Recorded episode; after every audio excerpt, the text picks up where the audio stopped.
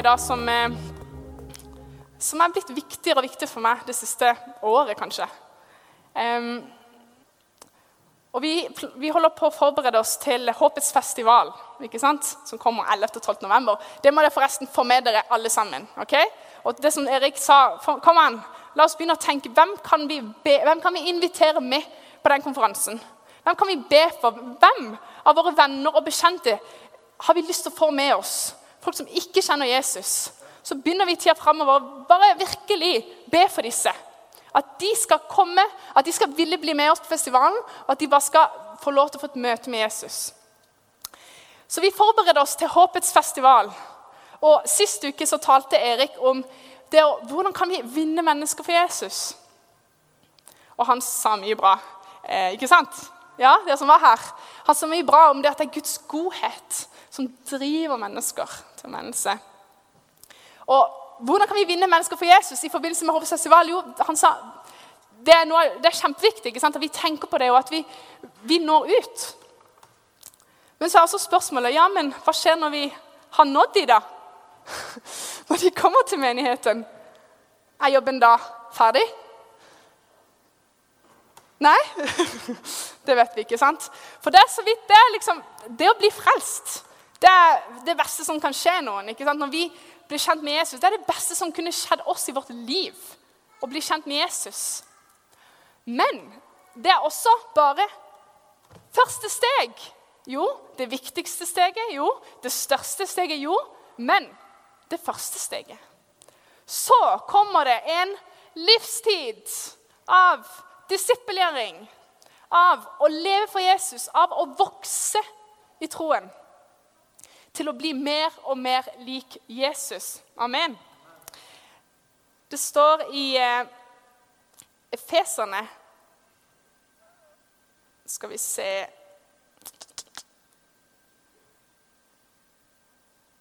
Klart jeg mister det her.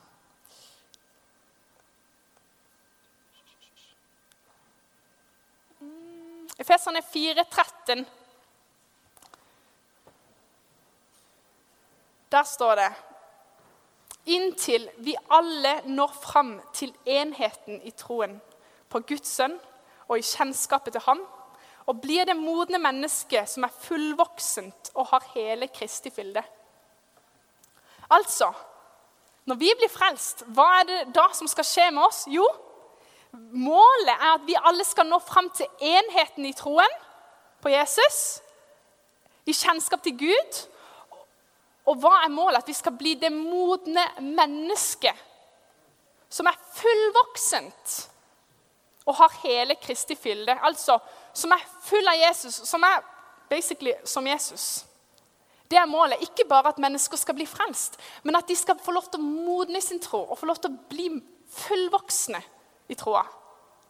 Og at de skal til slutt være fylt med hele Kristi fylde, altså være Jesus lik.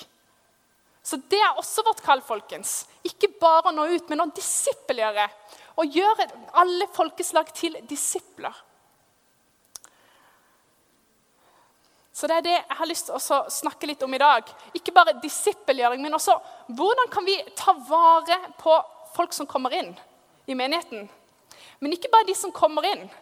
Fordi vi er jo menighet nå. ikke sant? Når de kommer inn, når de blir frelst, så blir de lagt til menigheten.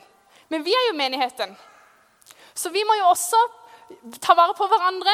ikke sant? Vi må jo også disippelgjøre hverandre. Vi skal ikke bare disippelgjøre de som kommer inn og blir frelst. Vi trenger å bli disippelgjort.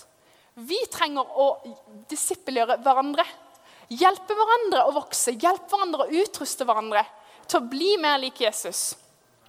Så hvordan kan vi som menighet hjelpe hverandre? Hvordan kan vi som menighet bygge hverandre opp? Hvordan kan vi elske hverandre mer som søsken, som familie? Det skal jeg snakke litt om i dag. Jeg har lyst til å prate litt om eh, min familie. Jeg kommer fra en eh, veldig stor familie. Kanskje du kan få opp det bildet? Ja.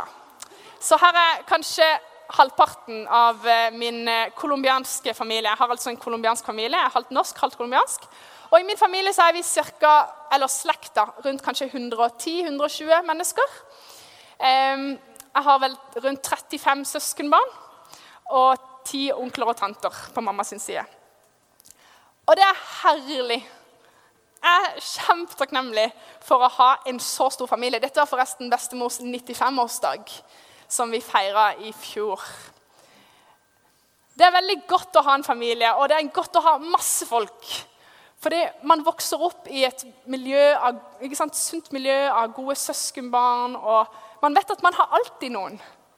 Man har alltid noen. Når man ikke har så mange venner, så har man søskenbarn. Så har man onkler og tanter og tremenninger og firmenninger. Og, ja. Men så er det jo selvfølgelig litt utfordrende tider. fordi jeg, jeg gifta meg jo i sommer. ikke sant? Og da var jo utfordringa OK, Erik. Jeg har jo ganske mange jeg må invitere. Og så skal vi gjøre med en bil, Sanne. Nei, Det endte jo opp med at vi inviterte ca. 170 til bryllupet vårt. Til middag, da. Um, fordi jeg kunne jo ikke ikke invitere de fleste. Ja, Endte opp med å invitere veldig, veldig mange. Så det var jo fint. Men så er det litt sånn OK, det er veldig flott å ha en familie, men det kan jo ha sine utfordringer, som f.eks. det. da. At man har lyst til å inkludere alle, og så er jo ikke det helt mulig. Familie det er noe som er viktig for oss. ikke sant? Verdifullt å ha en familie. Tittelen på talen er 'Elsk din åndelige familie'. Elsk din åndelige familie.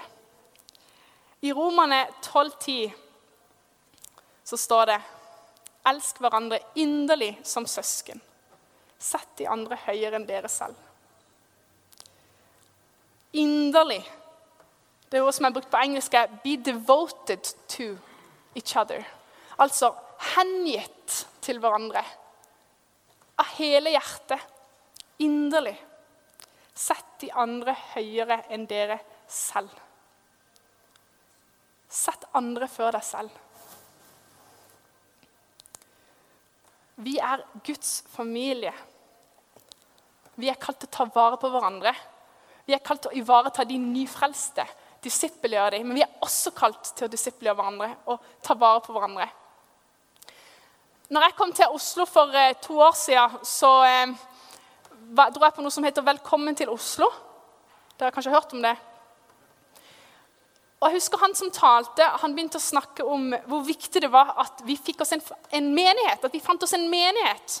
Så jeg husker at han sa fordi, så, fordi Dere må få dere en menighet fordi det er så mye ensomhet i Oslo. Folk er så ensomme.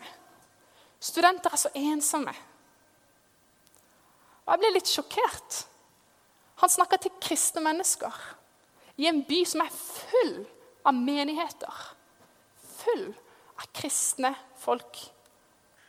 Og likevel en veldig stor utfordring i Oslo blant kristne og generelt ensomhet. Vi går i menighet, vi har kristne rundt oss, men likevel så er det mange av oss som er ensomme.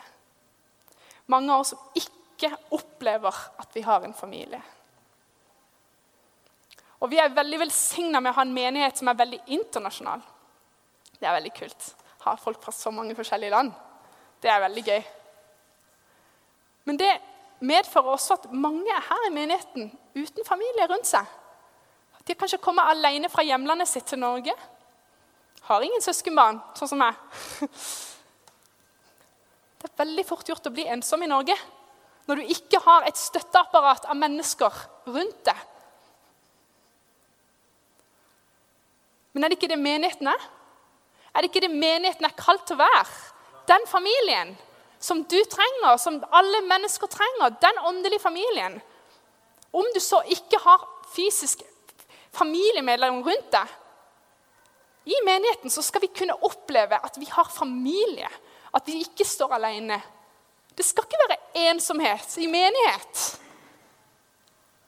Fordi vi elsker hverandre, fordi vi ser hverandre, fordi vi bryr oss om hverandre.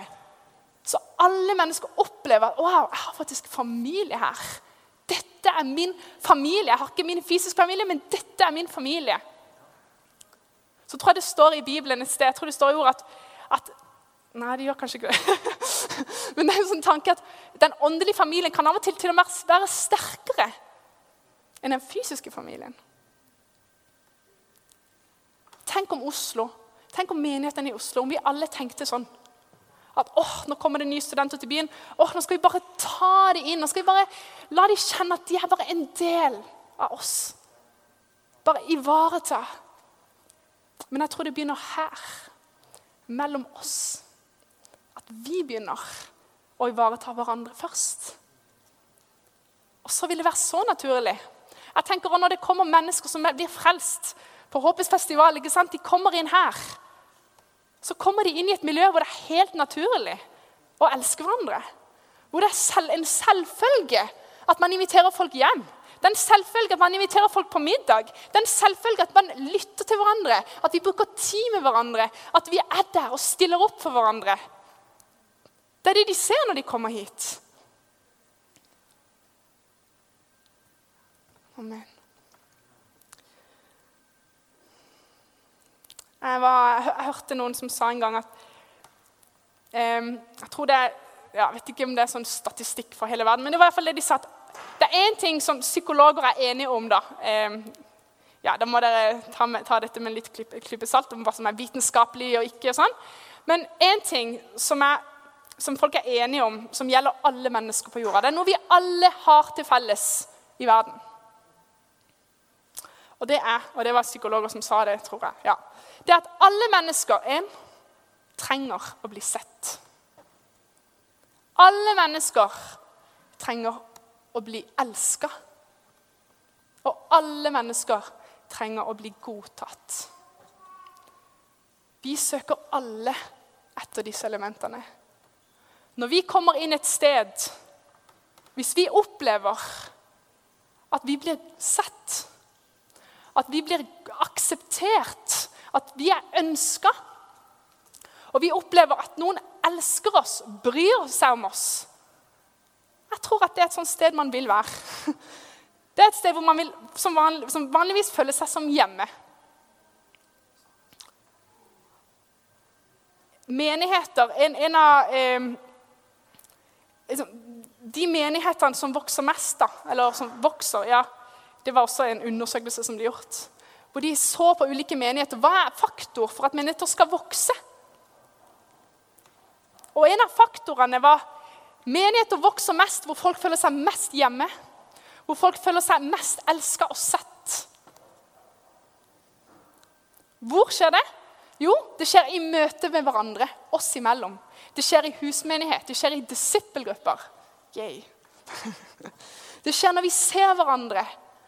Vi har en sånn en, en, en, eh, saying jeg vet ikke på norsk, med, med disippelgrupper at ansikt til ansikt. I møte med hverandre, når vi ser hverandre, når vi snakker sammen.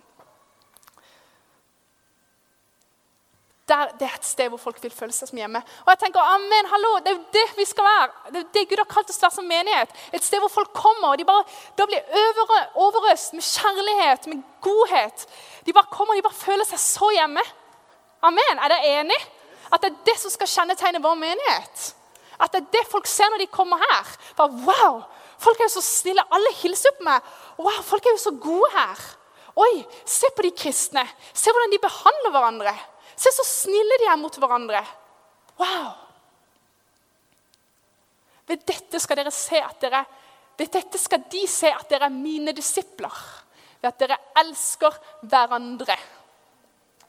Når folk kommer og ser at oi, de elsker hverandre, de bryr seg om hverandre Det er tiltrekkende. Det er veldig tiltrekkende for ufrelste, for mennesker som ikke kjenner Jesus Å komme inn et sted hvor mennesker elsker hverandre.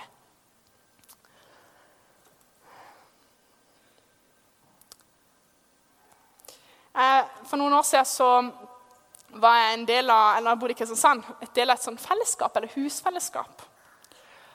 Og jeg hadde egentlig ikke innsett hvor viktig det var for meg å ha et sånt fellesskap. Jeg gikk jo i en menighet, men i menigheten hadde vi ikke husgrupper. Vi hadde ikke små fellesskap. Men så kom jeg inn i dette fellesskapet, og jeg bare ble møtt med så mye eh, omsorg. Eh, noen som ville lytte til meg, noen som hadde tid til meg.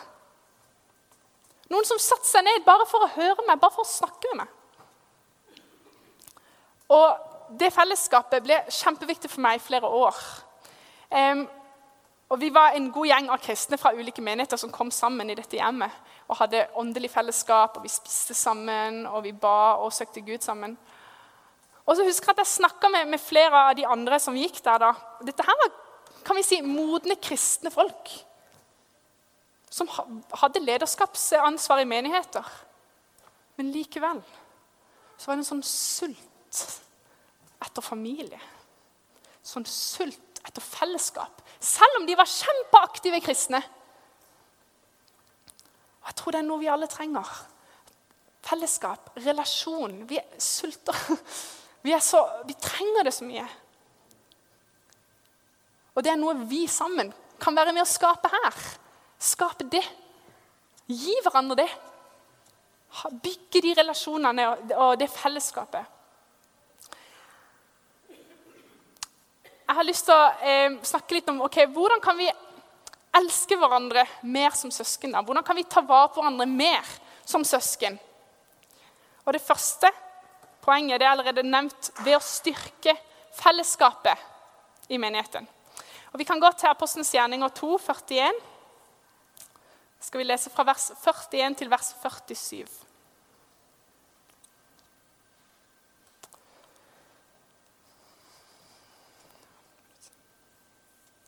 Det står De holdt seg trofast til apostlenes lære og fellesskapet, til brødsbrytelsen og bønnene.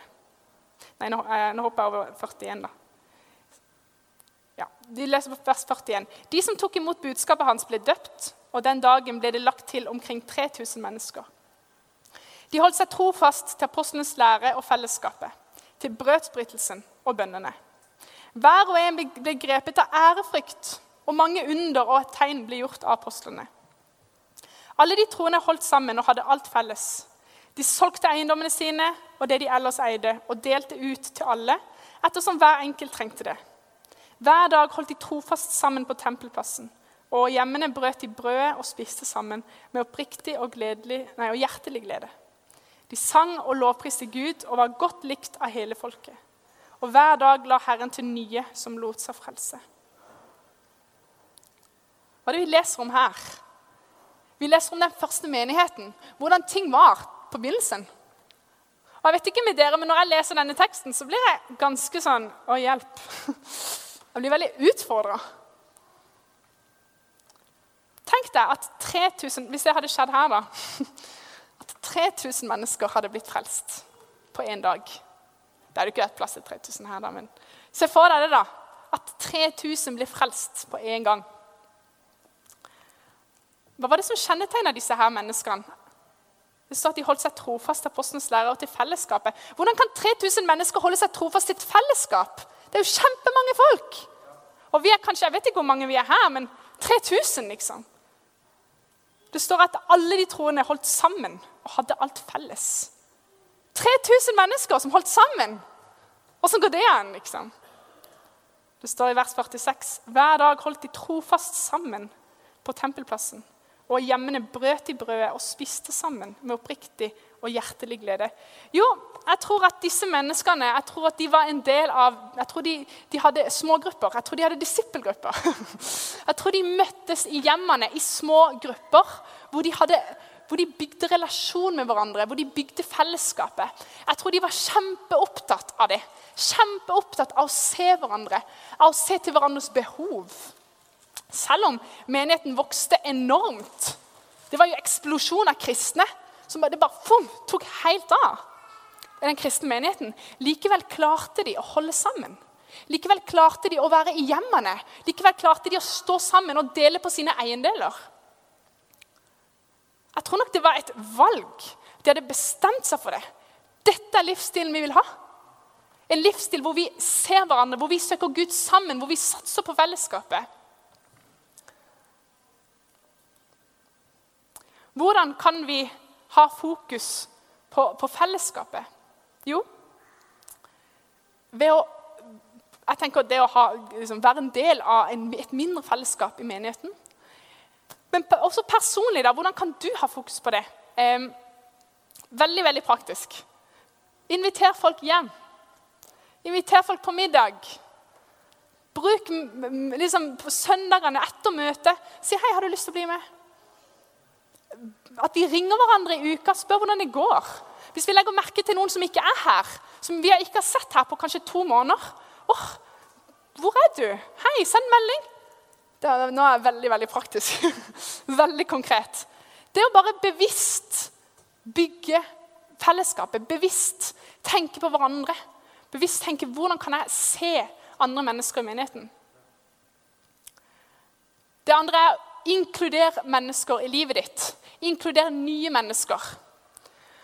Når, etter Håpets festival, hvis, la oss si da, hvis 100 mennesker blir frelst, og 100 mennesker begynner å gå i denne menigheten Ja Inkludere nye i livet ditt. Hva er inkludere? Vi kommer på sammen på søndager. ikke sant? Vi søker Gud, vi koser oss. Det er veldig godt å komme sammen. Men så kommer uka. Jeg tror inkludere handler om å være menighet hele uka. Ikke bare på søndag. Ikke bare vi kommer sammen på søndag og vi er bestevenner. Så kommer mandag og tirsdag, og så da puff, Da har vi ikke så mye kontakt i det hele tatt. da. Inkludere er å ta folk inn i livet ditt. Gjøre mennesker til en del av ditt liv. Og det kommer nok til å koste litt. Fordi det vil si at dine prioriteringer må endres litt. Hvordan vi bruker vår tid. Det er faktisk å ha tid til folk. Selvfølgelig, Det vil ikke si at nå skal du kutte ut alt ditt program og ikke sant, bare for å ha tid til folk. Vi har jo ting å gjøre. Men det å tenke bevisst hvordan kan jeg inkludere nye mennesker inn i mitt liv? Ikke bare hvordan kan jeg nå dem, men hvordan kan jeg inkludere dem inn i mitt liv? Jeg har ei venninne som eh, heter Janne. Og hun, eh, hun, var leder for et sånt lag, eller kanskje en sånn ny generasjonsgruppe, oppi i, eh, i, i Nord-Norge. da. Eller ikke Nord-Norge, egentlig. Jeg blander ofte Vestlandet med Nord-Norge. Litt sånn dårlig geografi. Ikke i Nord-Norge, i Volda, som er liksom ved Molde. da. Jeg har sånn tendens til å tenke at det er Nord-Norge. Alt som er nord for Kristiansand, er liksom nord. ikke sant? For det er jo for Kristiansand. Men iallfall ikke nord. Molde-området. Og og Jeg snakka med henne, hun sa til meg som leder så tenkte hun, yes, endelig, nå er jeg leder, nå skal jeg liksom lære disse menneskene noe i gruppa mi. Og Det hun fokuserte på, det var å undervise og fortelle dem folkens, vi må inkludere mennesker i våre liv. Det er ikke nok å komme sammen en gang i uka og ha et møte.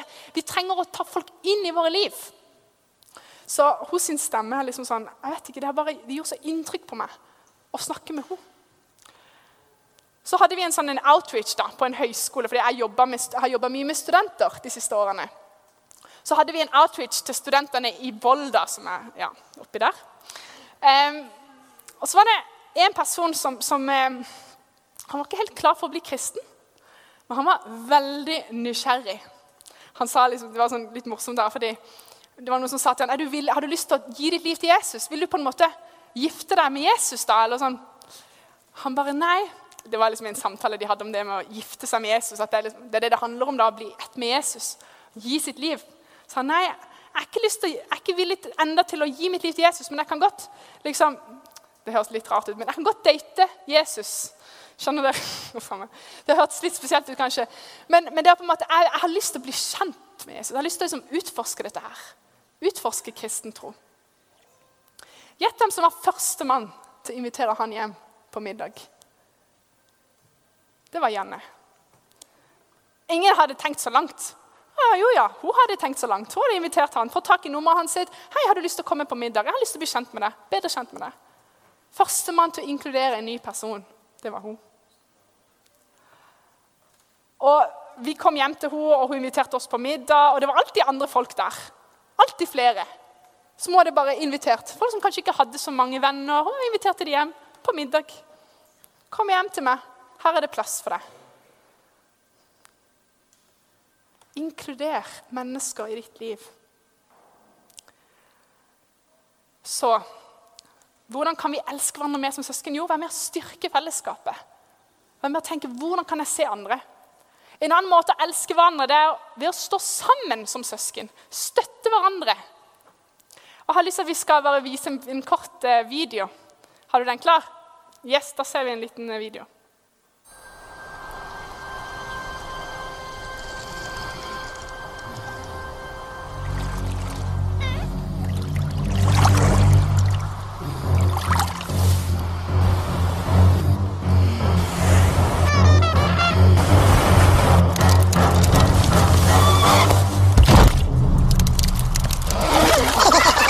Smarter to travel in groups.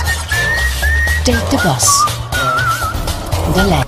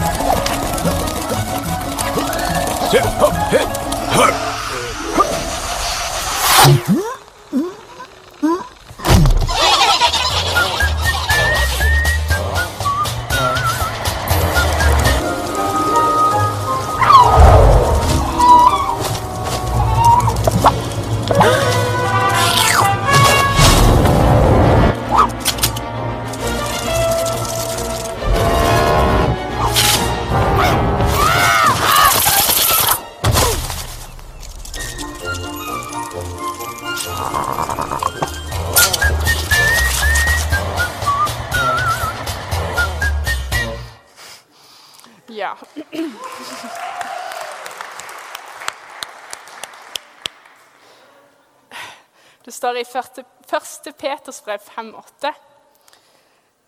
står det Vær edru og våk.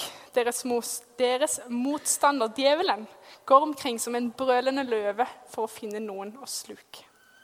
Dere kan liksom tenke at ok, disse her, eh, den måka, da.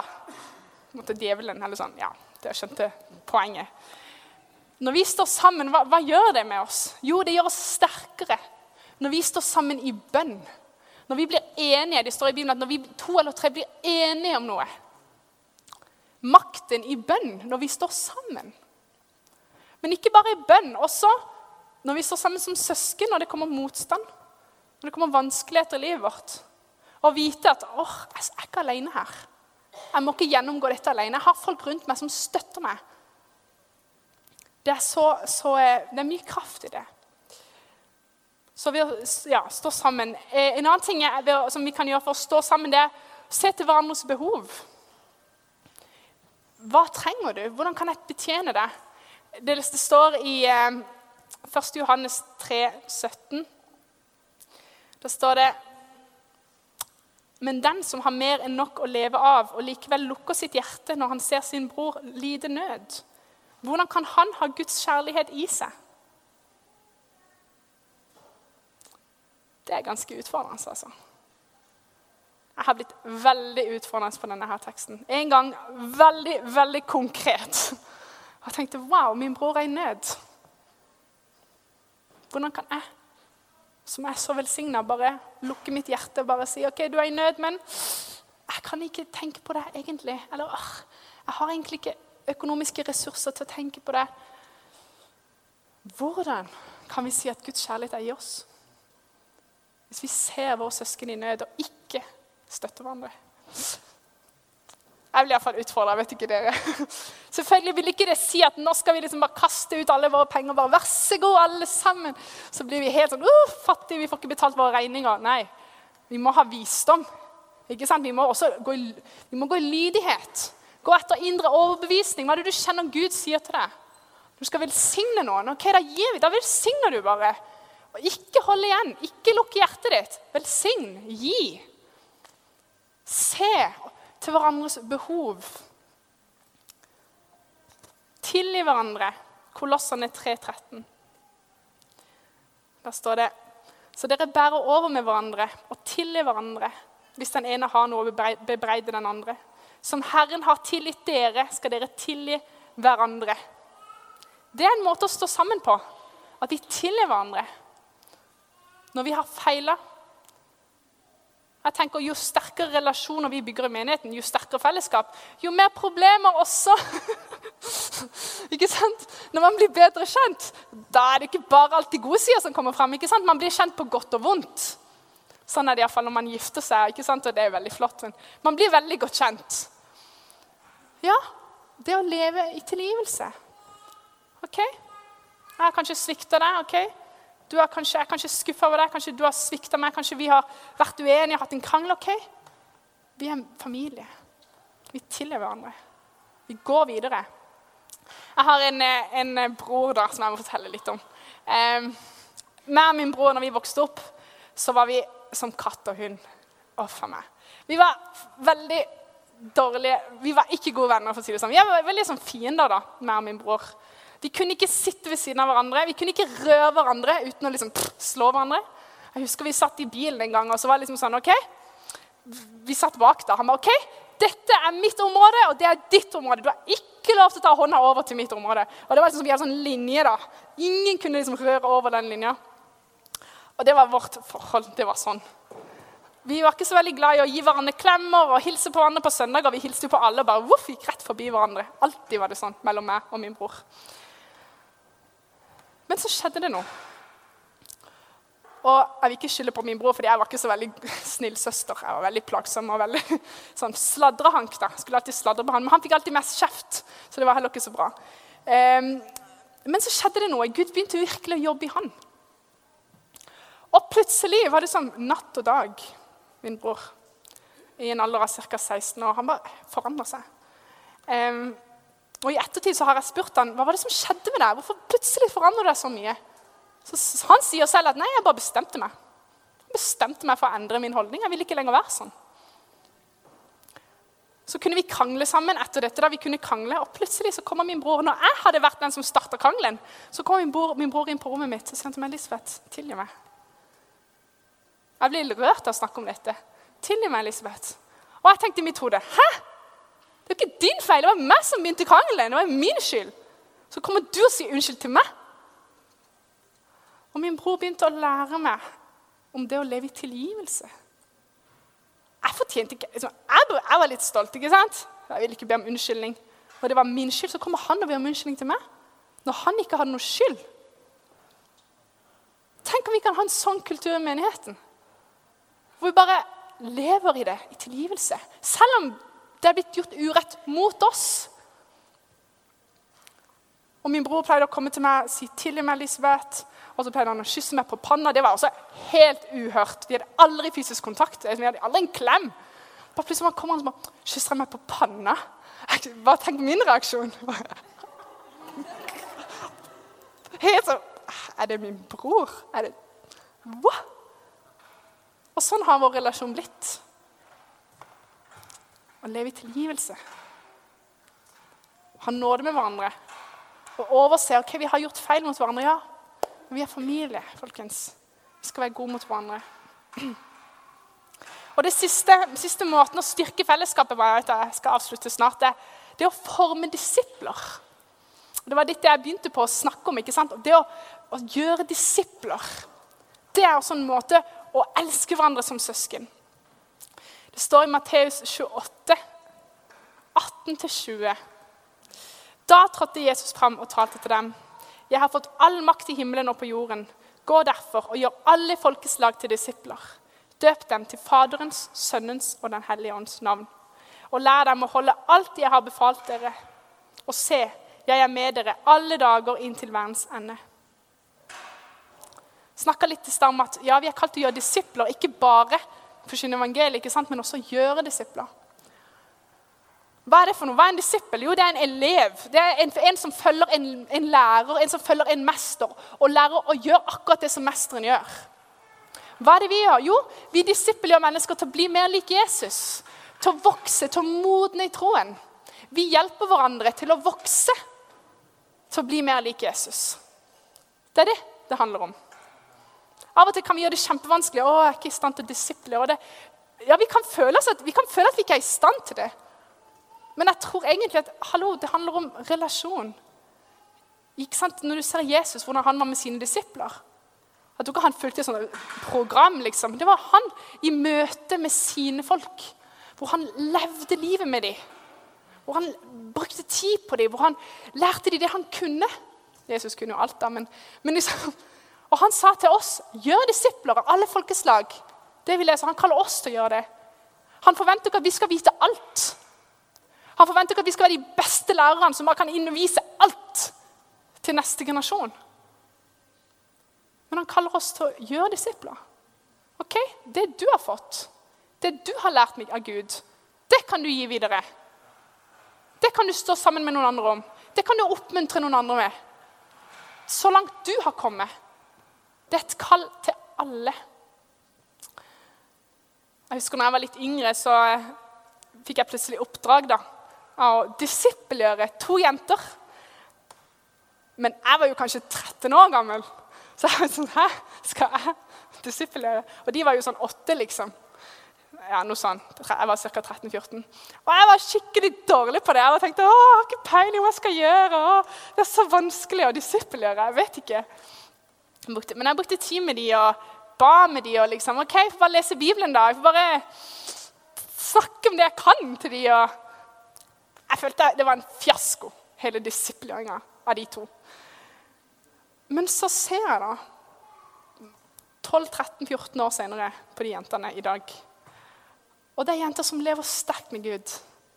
Jenter som ja, har, har bodd Faktisk så kjenner dere de. Lina og Astrid, som har gått her i Jesus Revolution og vært på bibelskolen. Det var jenter som jeg så investerte i når de var 6-7-8 år gamle. Jeg var liksom sånn, jeg vet ikke hvordan jeg skal gjøre dette her. Men Gud, altså, han hjelper oss. Og jeg sier ikke at det, var, det er ikke min fortjeneste altså, at de er hvor de er nå. Absolutt ikke. Men jeg var kanskje med og sådde litt. Jeg var kanskje med og sådde noe inn i de. Selv om jeg følte at jeg var en fiasko i det, så brukte Gud det. Han brukte det lille som jeg kunne gi dem. At jeg kunne vokse og bære frukt. Det er en som heter eh, J.K. Chesterton, som dere kanskje har hørt om. Han, en, eh, han var en veldig kjent britisk forfatter og teolog. Og han sa dette. If a thing is worth doing, it's worth doing badly. altså Hvis det er noe som er verdt å gjøre, da er det verdt å gjøre det helt feil. Det er verdt det å prøve det ut. Om du tabber deg, OK, det er verdt det. Det er så viktig. Vi lærer, folkens. Vi er, vi er ingen av oss er der hvor vi liksom er så flinke til å følge opp folk og trene folk til å bli mer lik Jesus. Nei, men vi kan alle gjøre det. Og her i menigheten har vi en fantastisk mulighet med det vi kaller medvandring. Hva er det for noe? Jo, medvandring vil si at vi går sammen, to stykk. Vi, lever, vi, vi ser hverandre, vi vokser sammen med Gud. Vi oppmuntrer hverandre til å vokse nærmere Jesus, til å bli mer lik Jesus. Og medvandring og disippelgjøring det er akkurat samme greia. Um, det, det, handler om det samme. Å hjelpe hverandre å vokse. Bodde, for tre år siden bodde jeg i England. og da helt sånn ja, Det var bare en gave fra Gud. Så fikk jeg meg ei venninne. Og hun eh, hadde aldri, noe, hadde aldri trodd at det kom til å bli sånn som det ble, men hun ble i hvert fall en bestevenn for meg i England det året. Og Det var så spesielt, fordi Hver gang vi kom sammen, så var det liksom alltid sånn et eller annet Gud skulle gjøre. Et eller annet han ville liksom lære oss. Så jeg betjente ofte hun med ord fra Gud i hennes situasjon. Og når jeg trengte det, så begynte hun å betjene meg. bare, Ta alt inn i livet mitt. ta alt inn i livet mitt. Og det året det ble så sterkt pga. min relasjon til henne. Vennskap. Vi var medvandrere. Vi delte liv sammen. Vi disippelgjorde hverandre. Det var ikke planlagt, men så ble det sånn, da. Og da ble jeg sånn OK, takk Gud for dette forholdet. Takk fordi vi kan pushe hverandre til å vokse. Og Det er det samme som vi kan gjøre her. Hvordan kan vi disippelgjøre? Hvordan kan vi ha medvandrere? Jo, jeg, jeg, tror faktisk man burde bestemme seg for det. Det er ikke bare noe som skjer av seg sjøl. Man må ha en intensjon. Det er en, et, en relasjon med noen som, med en hensikt. ok? Du bestemmer deg for å investere i noen spesifikke mennesker. ok? Du bestemmer deg for å investere i noen, og du begynner å bruke tid med disse menneskene. Begynner å lese Bibelen med dem, begynne å, å, be sammen med dem. ikke sant? Begynne å, å se ok, hvordan kan jeg hjelpe denne personen å vokse. Det trenger ikke å være noen avanserte greier, men er, du bestemmer deg for noen personer du vil investere i. Og så begynner dere å sjekke til hverandre. ikke sant? Ringe, høre hvordan det går. Hvordan kan jeg be for deg? Hvordan kan jeg stå sammen med deg? Hva er det i livet ditt nå som er vanskelig? Kan, hvordan kan jeg tjene deg? Hvordan kan jeg betjene deg? Disippelgjøring. Her i menigheten, oss imellom. Disippelgjøring er ikke bare av nyfrelste. Vi er alle disipler. Vi trenger alle å vokse. Ingen av oss har nådd full modenhet. Men vi trenger alle å vokse og modne, folkens. Vi må alle modne. Så både vi som er her, men også når det kommer nye, ok, er vi klare til å investere litt. Investere i noen nye.